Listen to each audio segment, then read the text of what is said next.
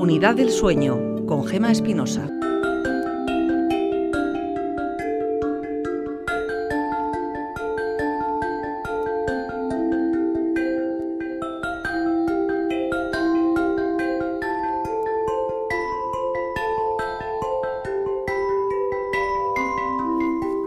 Cuando se van cumpliendo años, eh, los patrones del sueño tienden a cambiar.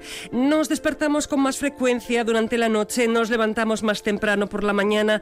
Hoy dedicamos el espacio de la unidad del sueño a quienes tienen pues 60, 70, 80, 90, 100 o incluso más a esos a los que les cuesta dormir o que se despiertan muy pronto. Y lo hacemos con Joaquín Durán, que es responsable del Grupo de Investigación del Sueño de BioAraba y director de la Unidad del Sueño de la Clínica Eduardo Anitua. Joaquín Durán, es cierto, ¿no? Perdemos, eh, no sé si calidad, pero cantidad del sueño seguro. Dormimos diferente. Yo no querría decir que eh, perdamos calidad porque el sueño se modifica conforme nuestro envejecimiento avanza. Pero el envejecimiento es un proceso natural, no es una enfermedad. Y aunque finalmente acaba con la muerte, esto no significa que el proceso del sueño, del envejecimiento, sea en sí patológico. Se duerme diferente que cuando uno es joven y eso hay que tenerlo en cuenta, porque si uno pretende dormir como cuando uno era joven, es como si uno pretendiera los 70 años hacer las mismas cosas que hacía a los 30. No es posible. Alguna vez lo hemos comentado, eh, Susana, hay una edad en la que se duerme muy fácilmente, yo creo que hasta que se empiezan a tener muchas responsabilidades, y cuando ya realmente te has quitado la preocupación de los hijos y que dices, bueno, ya jubilado, soy mayor, eh, puedo dormir y entonces es cuando ya no hay forma de recuperar ese sueño, ¿no? Bueno, es otra forma de dormir que decía el doctor Durán. Yo quiero saber también si existe menor necesidad de dormir. Hay menos actividad física. Yo no sé si es necesario dormir tanto número de horas como cuando eres joven y hay más desgaste físico. El sueño con la edad disminuye ligeramente pero la cantidad de sueño global que hace una persona, digamos, de 70 años, comparado con la que hace una persona de 40 años, es casi la misma. Solo que es cierto que las personas mayores tienden a tener lo que llamamos un sueño polifásico, es decir, que duermen varias veces a lo largo del día, no duermen del tirón. Lo de del tirón es para los niños y los jóvenes, porque tienen que procesar mucha información y necesitan dormir más horas. De esto ya hablaremos cuando nos ocupemos del sueño, infancia y juventud. Pero eh, aunque no duermen del tirón, duermen en veces. Por ejemplo, pongamos por caso un anciano que está jubilado, que no tiene eh, una actividad laboral eh, que realizar y no es infrecuente que después de desayunar a lo mejor dormite un poco en el salón. Tampoco es infrecuente que antes de comer a lo mejor se quede unos minutos dormido y tampoco es infrecuente que haga una pequeña siesta. Si además de eso le entra el sueño bastante pronto por la noche, se va a despertar muy pronto por la mañana. Vamos a creer que igual duerme menos horas que los demás, pero si sumamos todo el tiempo que ha dormido, el tiempo es bastante similar a las edades medias. Y sobre esto llevamos a cabo un estudio en Vitoria con mil ancianos que tenían todos el más joven 71 años y vimos que el tiempo de sueño era bastante similar a las edades medias. Es muy normal que en casa alguien que sea mayor, eh, mayor, mm, bueno, cada uno pone la, edad, estábamos comentando antes. No, pero es un este tema interesante. ¿A partir de qué edad podemos considerar que cambian esos hábitos de sueño? 80, ¿a qué edad podemos decir que, que ocurre esto, que empezamos a dormir como a trocitos? Bueno, desde el punto de vista de la clasificación eh, biológica de los seres humanos, esto está cambiando. Hace años, a partir de los 60 años, uno era una persona mayor. Ahora, edades medias se considera entre 30 y 70 años. Y a partir de los 70 años, uno es una persona mayor. Sin embargo, eh, hay varias subcategorías a partir de los 70 años. Por tanto, eh, ser persona mayor o ser viejo no significa para nada ni estar enfermo ni tener un problema de salud y no deberíamos en ningún caso añadirlo a un proceso peyorativo, como tampoco lo es ser niño o ser eh, adulto en edades medias. Ser mayor o ser viejo es un orgullo porque solo los deportistas de élite llegan hasta allá. Para nosotros un viejo de verdad, alguien de más de 80 años, es básicamente un deportista de élite, porque ha llegado hasta allí con todos sus procesos. Los demás se han quedado en el camino. Alguno eh, igual nos echa la bronca, ¿eh? ¿eh? ¿Por qué? Yo tengo una abuela que con noventa y tantos años decía, bueno, tiene ahora mismo 101, ¿eh? Y está estupenda. Eh, y decía con noventa y tantos, dice, esos viejillos que se van Eso es muy andando por ahí. Es decir, la edad psicológica no es la misma a veces que la edad Pero en el sueño sí que lo es, ¿no? O sea, hay un momento en el que cambia el sueño, o por lo menos, porque es muy habitual, además, cuando estaba antes comentando la otra respuesta, que en una casa alguien diga, es que estás todo el día durmiendo y el señor o señora mayor diga, es que no duermo por la noche, porque ha dicho Joaquín Durán, no, se duerme en diferentes espacios, pero ese estudio que realizaron con mil personas mayores demuestra que al final, al cabo del día, se termina durmiendo más o menos lo mismo. La calidad, no sé si es la misma. La calidad está bastante bien adaptada para lo que es ese sueño polifásico, ese sueño que se hace en veces en relación al envejecimiento. Disminuye un poco la cantidad de sueño profundo y al disminuir, porque necesitamos reparar menos el organismo que sufre un desgaste mucho mayor en las edades medias. Eh, sufre el proceso normal de desgaste del envejecimiento, pero hay veces que el sueño profundo se reduce un poco y también se reduce porque muchas veces las personas mayores están tomando medicación que reduce ese sueño profundo. Pero me gustaría poner un ejemplo porque esto creo que va a entender muy bien. En primer lugar, debemos de entender el proceso del sueño en una persona mayor como diferente de una edad media. Por tanto, ni debemos considerar que duerme mucho ni que duerme poco, sino que duerme diferente. Si entendemos que es normal que al no tener una actividad física o unas obligaciones laborales pueda dormitar en determinadas acciones pasivas, como pueda ser estar en el sillón o no tener nada que hacer, etcétera, eso es bastante normal, pero hay que saber que si abusa de esos procesos, luego tendrá dificultades para eh, conciliar adecuadamente el sueño en la noche. Eh, voy a poner este ejemplo. Eh, este es un anciano que tiene unos 78 años y que eh, se despierta muy pronto por la mañana. Como se despierta muy pronto, en su casa hace ruido. Como hace ruido y hay varios familiares en casa, acaban diciendo, bueno, el abuelo tiene insomnio, no duerme y vamos a llevarle al médico.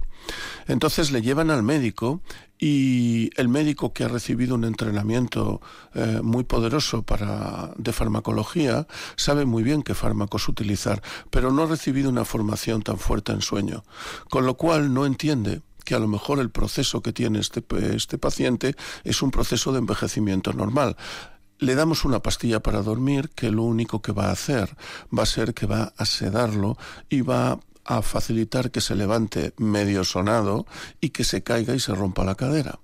Si se rompe la cadera va a tener un montón de problemas, va a tener que ingresar en un hospital, va a correr riesgos de sufrir un montón de complicaciones cuando todo el proceso se ha iniciado por no entender lo que es el envejecimiento normal. Este anciano lo único que tenemos que ayudarle es a que normalice su proceso de sueño. Los ancianos les entra el sueño muy pronto y les entra al entrarles el sueño muy pronto, también se despiertan muy pronto. Cuando eso es excesivo, cuando un anciano tiende a irse a la cama a las ocho o a las ocho y media, lo que tenemos que hacer es que le dé luz. La luz, aparte de que es un antidepresivo natural muy potente, no quiere decir que le dé el sol directamente. La luz del sol, pero no los rayos del sol.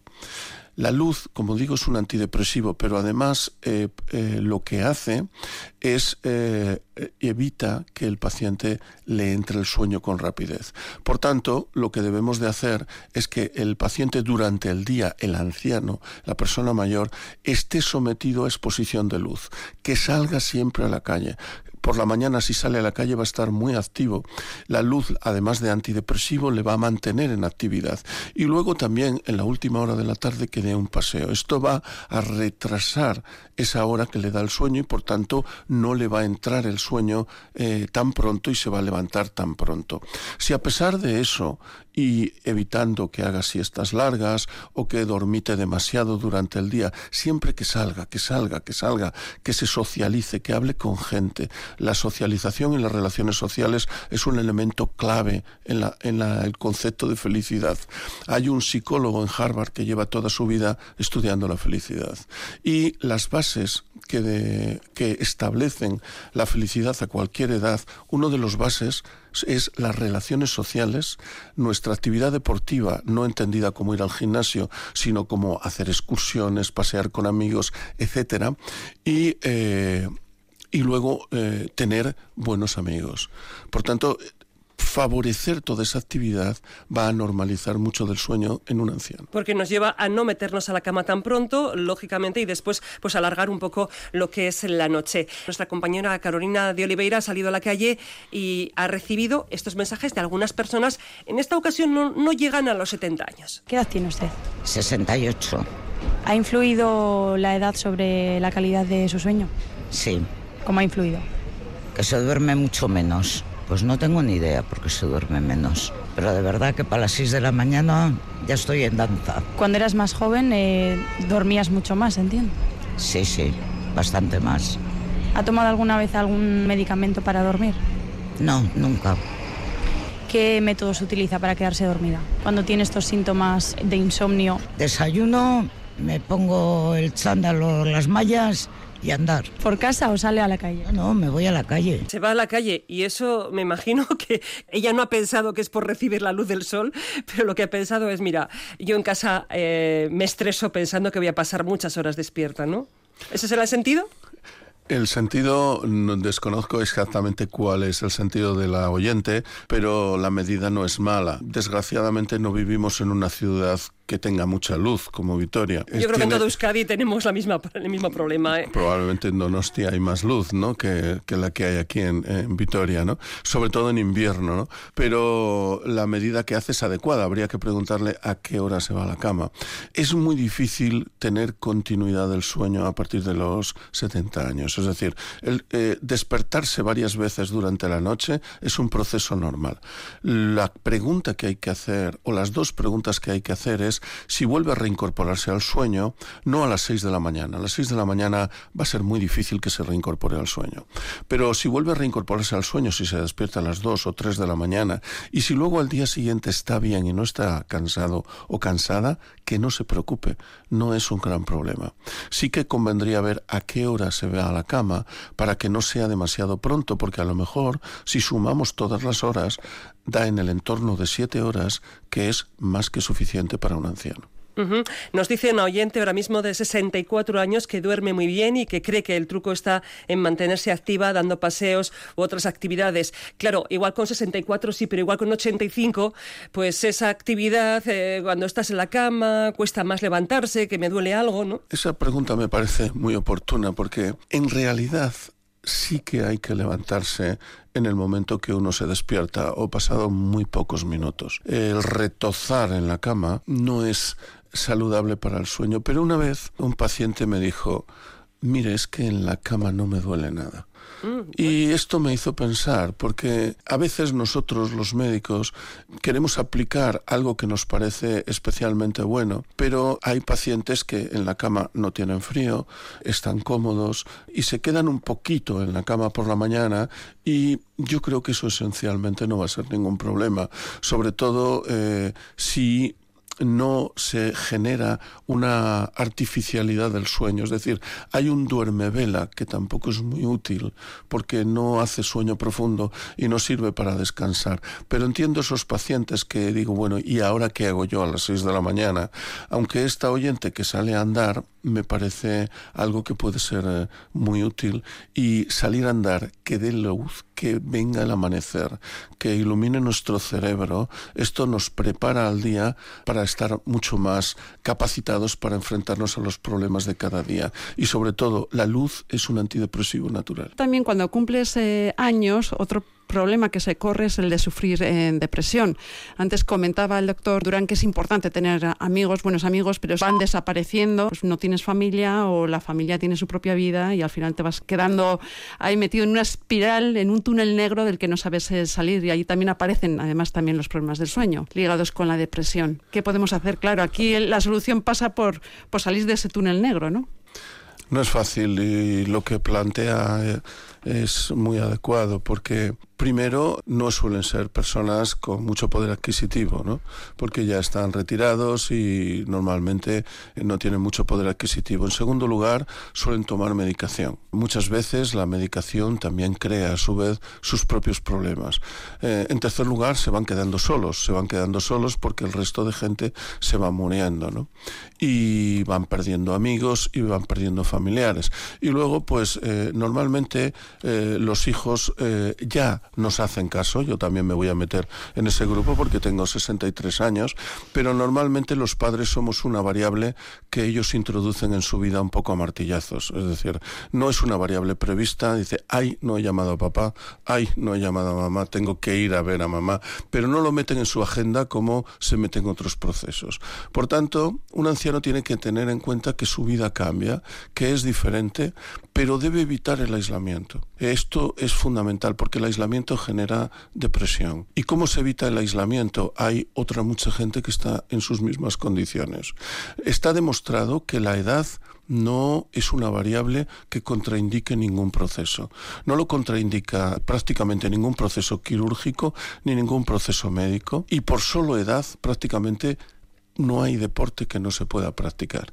Eh, yo hago un montón de deportes que no se corresponderían para nada con mi edad y de momento voy a seguir haciéndolo porque me he dado cuenta que eso me ayuda a mantener mi cerebro activo y no solo mi cuerpo, sino también mi cerebro.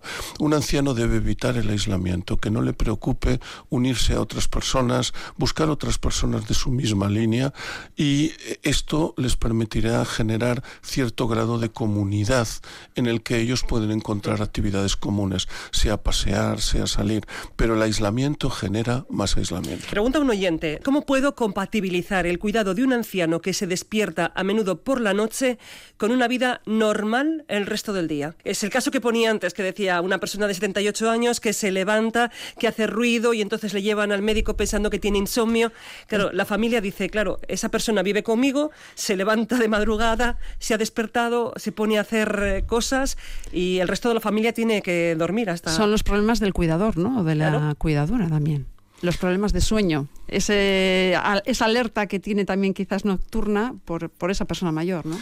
Es un problema muy de cultura mediterránea, porque no existe ese problema en la cultura anglosajona, porque no se plantean que los hijos tengan que cuidar a los padres. Quizá los hijos no deberían de ser cuidadores, porque corren el riesgo de transformarse en carceleros. Y espero que se me entienda, es decir, al final los hijos no son profesionales del cuidado y por tanto acaban riñendo mucho a los ancianos y corrigiéndoles por cosas que no pueden cambiar y que no tienen capacidad para cambiar los hijos, yo, en mi opinión, no deberían de cuidar a los padres. Entiendo que hay situaciones que son así. Cuando esa situación es, así, lo primero es que hay que entender que eh, la vida y el ritmo de sueño de un anciano es diferente. Segundo, hay que ver si hay hábitos incorrectos, como esto que he planteado de la luz, de no acostarse demasiado pronto, eh, etcétera. Y luego hay que hacer lo que se pueda. Porque cuando a uno le toca algo de este tipo, pues lo único que puede hacer es lo que se pueda y bregarlo con él. entiendo que en este caso, que nos escribe el oyente, viven en la misma casa. Yo tengo que ir a trabajar, imagínate, me tengo que levantar a las 7 de la mañana y esta persona mayor a las 5 de la mañana está recorriendo la casa. Es muy difícil, eh, claro, entiendo que es el motivo por el que uno va al médico y le dices que el abuelo no, la abuela no, no duerme. ¿Qué, puedo hacer? ¿no? Ahí está. ¿Cómo lo llevas? Negociar. Yo me levanto a las 5 de la mañana y mi pareja se levanta a las 7, por tanto hay que negociar. Eh, porque es la única opción que tengo para hacer deporte, porque luego no dejo de trabajar hasta las 9 de la noche, así que solo puedo hacerlo a esta hora. Y no tengo todavía 75 años, pero es que es así. Hay, que llevar la vida como se puede. Eh, nos decía, la oyente que había entrevistado en la calle Carolina, la primera decía que ella lo que hacía era andar. Bueno, pues ha encontrado otra persona, en esta ocasión un señor, que lo que hace es todo lo contrario. ¿Duermes más, duermes menos, te cuesta dormir más? Igual. ¿Has tomado alguna vez algún medicamento para dormir o algo así? No. No. ¿Y qué edad tiene usted? 36. Escumatic escarrea. 63. ¿Qué hace cuando no puede dormir y tiene que hacer algo para quedarse dormido? ¿Qué es lo que hace? Meditar. No es que se te dé bien o ni mal. Tienes que hacerlo todos los días. Nada más. ¿Recomiendas la meditación para dormir mejor o para concentrarse? Es ideal. Es ideal. Porque el cuerpo tiene que, primero tiene que relajar y después dormir. Meditando relajas y duermes al mismo tiempo. Nos tenían que enseñarle a todo el mundo. Primera regla en, la escuela. A ver, si te despiertas quizás a las 5 o las 6 de la mañana, eh, podría ser una solución. En lugar de ponerte a pasear por la casa, aprender a meditar y a esas horas aprovechar. No sé si a nadie, a ninguno de los que estamos aquí creo que nos han enseñado a meditar en la cama, pero bueno. La meditación eh, es un buen ejercicio mental para prepararse para el día y para las cosas que nos van a venir y también eh, para preparar nuestro cuerpo para el día siguiente. Pero no necesariamente hay que apuntarse a un curso de yoga, que está muy bien, sino simplemente aprender a respirar, dedicar unos minutos. Lo que plantea este oyente es muy oportuno, pero insisto, no hace falta ser un experto yogi para hacer esto. Simplemente eh, relajarse, porque gran parte de cuando nos despertamos es que el cerebro, nuestra parte del cerebro más primitivo, eh, cuando recibe actividad, eh, no piensa que sea una actividad peligrosa o no, solo piensa en riesgo y por tanto nos despierta, nos activa. Si nosotros nos despertamos muy pronto por la mañana y empezamos a decir, las 5 de la mañana, ¿ahora qué voy a hacer? Ya verás cómo no me voy a dormir. Voy a estar hecho polvo todo el día o voy a estar cansada todo el día el cerebro se va activando con esos pensamientos que nosotros llamamos pensamientos circulares o pensamientos negativos. Lo que debe hacer el sujeto cuando pasa eso es relajarse, levantarse, no pasa nada. ¿eh? Esto ya se habló en el tema del insomnio. Si a uno se despierta a las 4 de la mañana y pasa un rato y no se puede dormir, que se levante, que se levante y haga una actividad, una actividad que puede ser una lectura no muy intensa, de ese tipo de lectura que hay en las consultas de los médicos, por ejemplo, eh, y y luego el sueño vuelve. El sueño es la tercera necesidad fisiológica. Nada de poner la televisión, que dijimos también la semana pasada. Esa luz que desprenden las pantallas mm, nos activa en el cerebro, todo lo contrario de lo que queremos. Salvo que se vea filtrada, ¿no? Pero, pero es verdad que, que la luz activa la retina y por tanto es una luz azul que activa la retina. Pero hacer cualquier actividad y luego cuando vuelva el sueño ir relajadamente a la cama. Y saber que no pasa nada. Lo que sí pasa es que si nos activamos y vamos activando nuestro cerebro, entonces no volveremos a reencontrar el sueño. La meditación, el ejercicio respiratorio, el relajarse, todo esto, cada uno a su manera, el que no sepa cómo hacerlo, que aprenda, no hace falta ser un experto porque no es difícil y ayuda, y ayuda mucho, como ha dicho bien este oyente. Los sueños vuelan alto como pájaros los sueños ven la tierra desde arriba. Los sueños tienen ojos transparentes. Los sueños iluminan, son posibles. Tus sueños descienden como lluvia. Tus sueños acuden si los llamas. Tus sueños viven más que tu vida. Tus sueños se instalan en tu casa.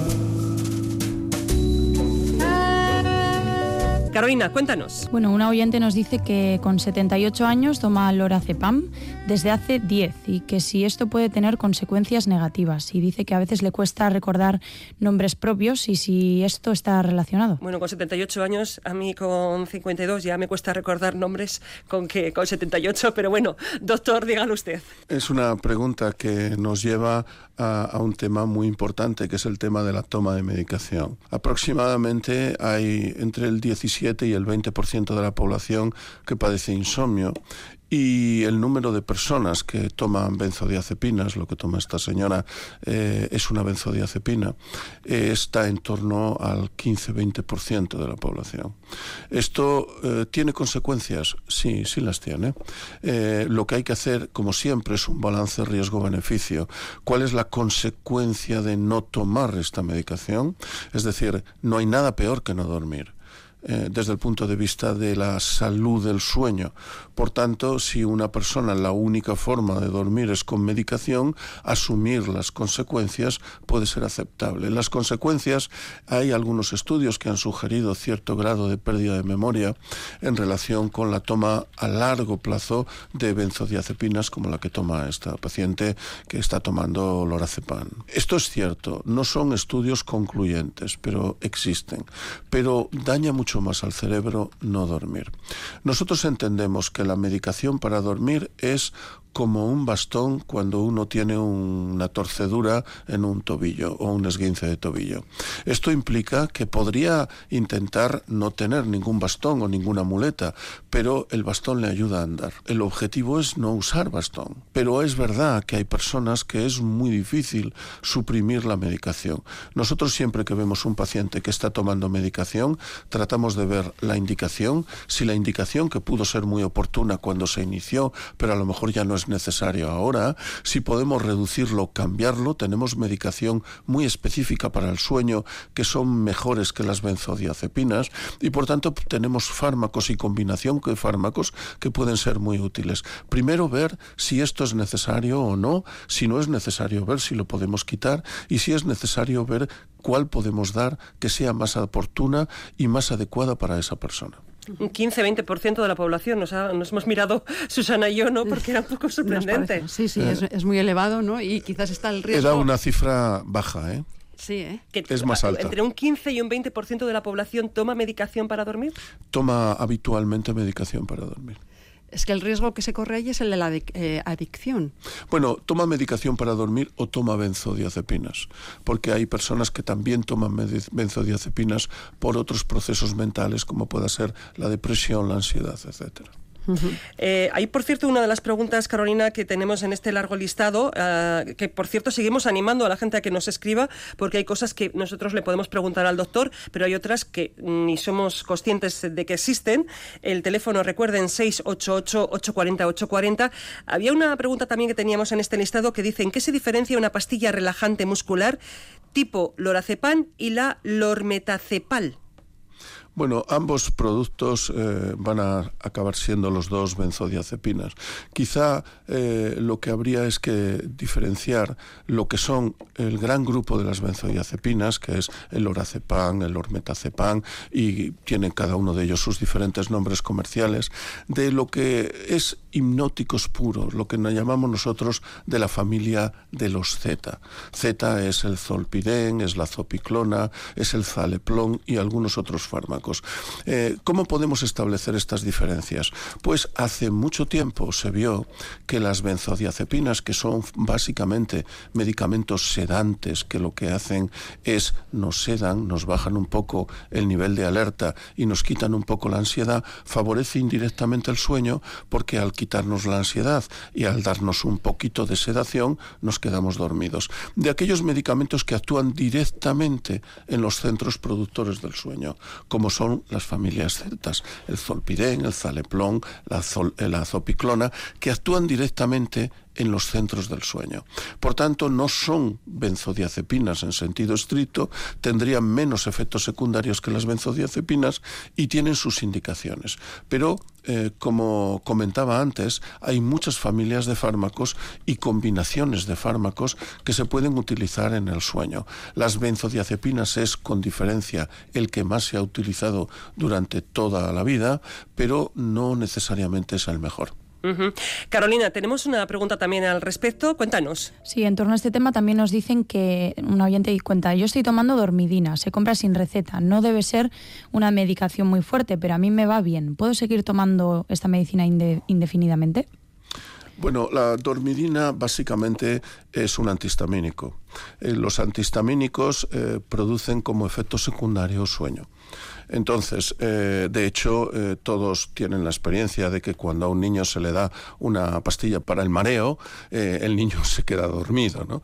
por tanto, aquí estamos aprovechando básicamente un efecto secundario del antihistamínico. En realidad vuelve a ser la misma filosofía del bastón. Tomar un antihistamínico de manera prolongada en el tiempo probablemente no es lo ideal. lo que ocurre es que cuando alguien se acostumbra a tomar una medicación, es que pueden pasar 10 años y seguir tomándola. Y no ha habido una reflexión de, bueno, yo voy a necesitar, a seguir necesitando tomar esta medicación. Ahí es donde hay que cambiar esta, esta parte. Quizá esta persona no necesite ya seguir tomando el antihistamínico. Un oyente dice, yo llevo años con insomnio y tomando mucha medicación debido a la ansiedad, estrés, nervios y me ha traído mucha pérdida de memoria y la médica le dice que tendrá que tomar de por vida esta medicación. ¿Puede ser? La pérdida de memoria, sobre todo la memoria reciente, es un proceso inherente al envejecimiento normal pero que también ocurre en las edades medias. Eh, nadie debe preocuparse por si va a la cocina y no sabe a qué ha ido, ¿eh? ni nadie debe preocuparse qué especialmente. Qué tranquila me deja. Eh, a mí Porque creo que nos pasa a todos, ¿no? Ni nadie debe preocuparse especialmente por pequeños olvidos que ocurren en todas las edades. Diferente es que alguien de pronto se encuentra en la calle que no sabe dónde está. Esto no es normal. O que el número de olvidos va aumentando claramente de una manera intensa. A través de diferentes test psicológicos y de cuestionarios tenemos formas para detectar si eso es un problema relevante o no, o si se produce un deterioro más allá de lo que es un proceso normal del envejecimiento.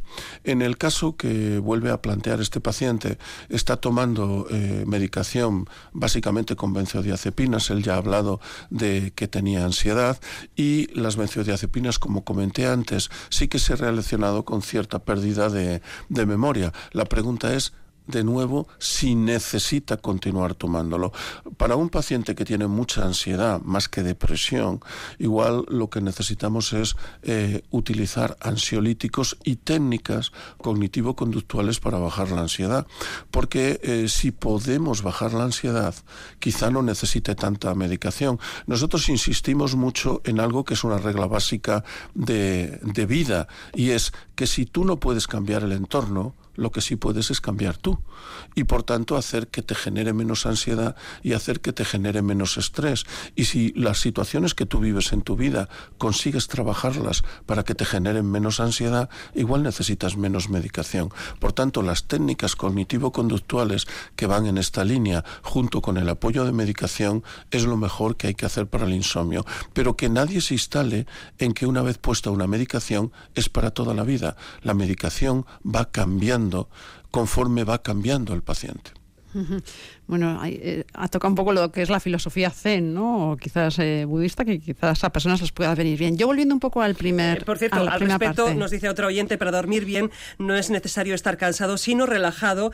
Practicar una autorrelajación es lo más efectivo, que coincide con la persona que nos decía con 68 años que lo que hacía era meditación. Esta persona dice: Doy fe, tengo alumnas en mis clases de yoga que desde la primera clase duermen y descansan después de mucho tiempo sin poder hacerlo. El problema está, como bien ha dicho el doctor, hay que saber cómo hacerlo, cómo relajarse, cómo bueno, llegar a perder ese nivel de estrés. Hay otro oyente que nos eh, pregunta en relación a las posturas para dormir, ¿cuál es la mejor eh, postura? Bueno, y nos comenta el caso de que su marido le funciona ponerse una bolita de tenis, no sé dónde se la pone, para no dormir boca abajo, dormir boca arriba. No sé si hay alguna postura ideal para que podamos eh, conciliar mejor el sueño. Lo que es para dormir, lo que es sueño, la postura no debería de afectar mucho. Pero para sufrir apneas en el sueño, la postura es muy dependiente. El 60% de los pacientes con apnea del sueño son lo que llamamos posturales, es decir, tienen el doble de apneas cuando están boca arriba, que llamamos de cúbito supino, que cuando están de lado. Para eso se utilizan técnicas, lo de la pelota de tenis en la espalda ya está superado porque hoy día disponemos de productos eh, que eh, utilizan una técnica técnica de vibración y que evitan que el paciente esté boca arriba. De hecho, uno de esos desarrollos es un desarrollo de la propia unidad del sueño, que es un producto que se coloca en la frente y que pesa 16 gramos y que genera una vibración que evita que el paciente duerma eh, boca arriba.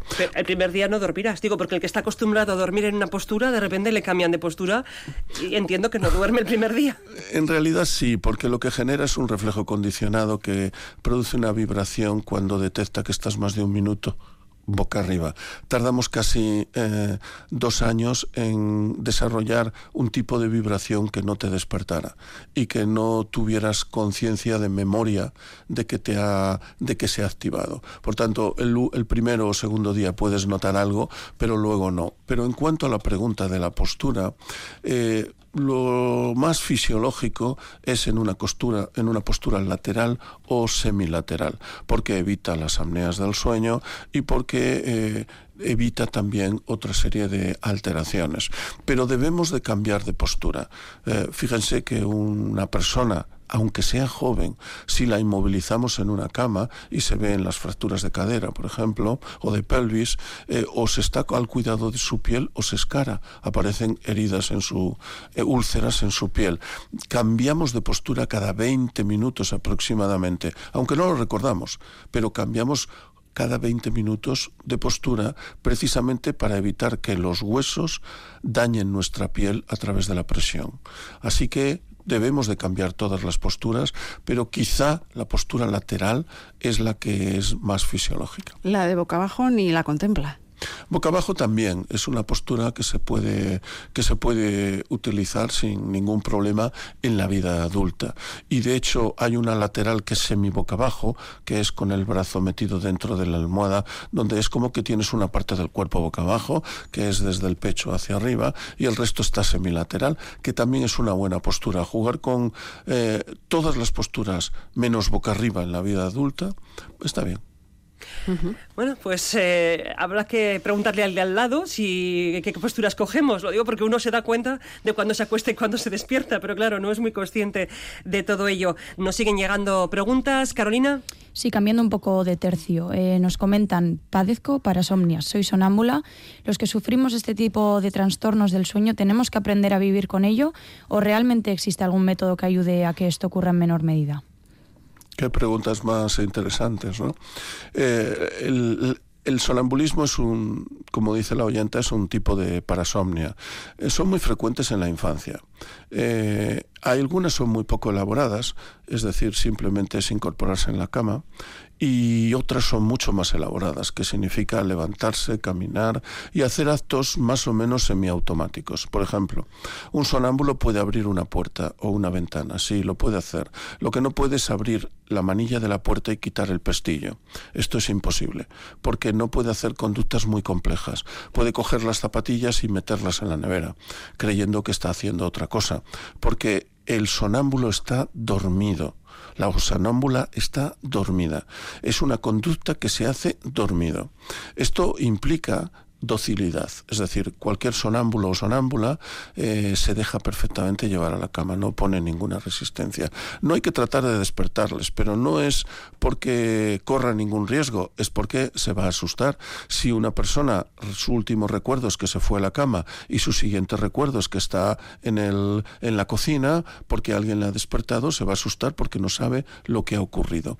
En los niños son muy frecuentes y conviene no hablar demasiado de ellos, delante de, de la población infantil porque habitualmente se van a preocupar mucho pensando qué harán ellos por la noche o si harán algo vergonzante. No hace falta abordar este tema, normalmente desaparece con la edad adulta y eso sí, una parasomnia elaborada que persiste en la edad adulta, conviene ver si puede haber algún tipo de psicopatología o algún tipo de problema que la pueda explicar. Normalmente, un adulto eh, a edades medias, en el entorno de los 30 años, ya prácticamente no debería de tener eh, un fenómeno de sonambulismo o ser muy poco elaborado o muy simple. Eh, piense que solamente hablar también es un tipo de parasomnia, pero algunos son muy, muy elaborados y hay que proteger cerrarlos para que no salgan al balcón o no salgan a la ventana. Insisto, no pueden hacer maniobras complejas, pero si alguna vez han abierto una puerta, cuidado con las ventanas. Más vale cerrarlas con un pestillo, porque no pueden hacer las dos cosas. ¿Y la gente que sonámbula descansa bien? Incluso eh, los que solamente hablan por la noche, ¿Es un sueño de calidad o es un medio de despertar?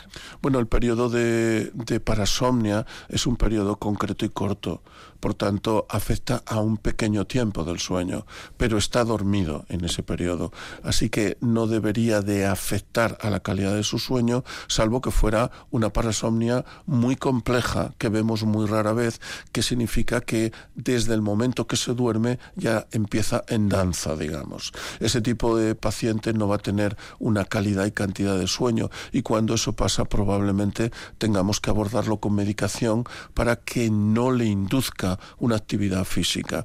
Piense que normalmente en el sueño algo que nosotros hacemos es eh, reducir nuestra actividad muscular. Esto en el sueño donde soñamos se paraliza. Esto es un rasgo atávico de cuando éramos mucho más animales y los animales no pueden moverse en sueño REM, en sueño cuando están soñando. No pueden escenificar los sueños, porque entonces los depredadores los identificarían y serían depredados. Esto los conseguimos conservando y nosotros cuando dormimos soñamos nos paralizamos el cuerpo. Esa parálisis de cuerpo hace que eh, no escenifiquemos los sueños. Y cuando alguien escenifica los sueños suele traducir otro tipo de patología que suele ser más compleja y que tenemos que abordar. Pero al mismo tiempo, cuando nos dormimos se nos cae la cabeza, es decir, perdemos el tono muscular. Esto evita esas parasomnias, pero no pasa en todos los pacientes. ¿Y cuál es el origen de una parasomnia? Creo que es, dicho de otra manera, sonambulismo. En realidad sería como una sincronía entre lo que debe ser las órdenes que da el cerebro a dormir y nuestra actividad muscular.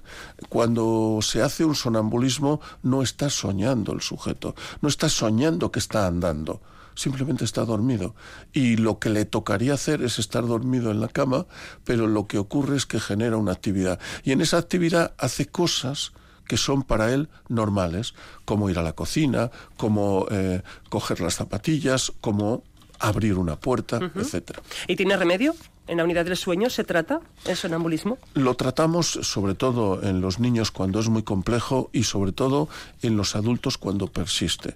Tenemos abordajes de diferente modo de, de hacerlo y normalmente sí solemos tener éxito porque como es un problema que desaparece con el tiempo... Ah, desaparece de forma natural. Casi siempre tenemos éxito. No hace falta ni medicación ni nada. A veces, bueno, a veces... A veces cuando ya uno es adulto, ¿no? ¿eh? A veces sí hace falta medicación. Sobre todo lo que hace falta es consejo.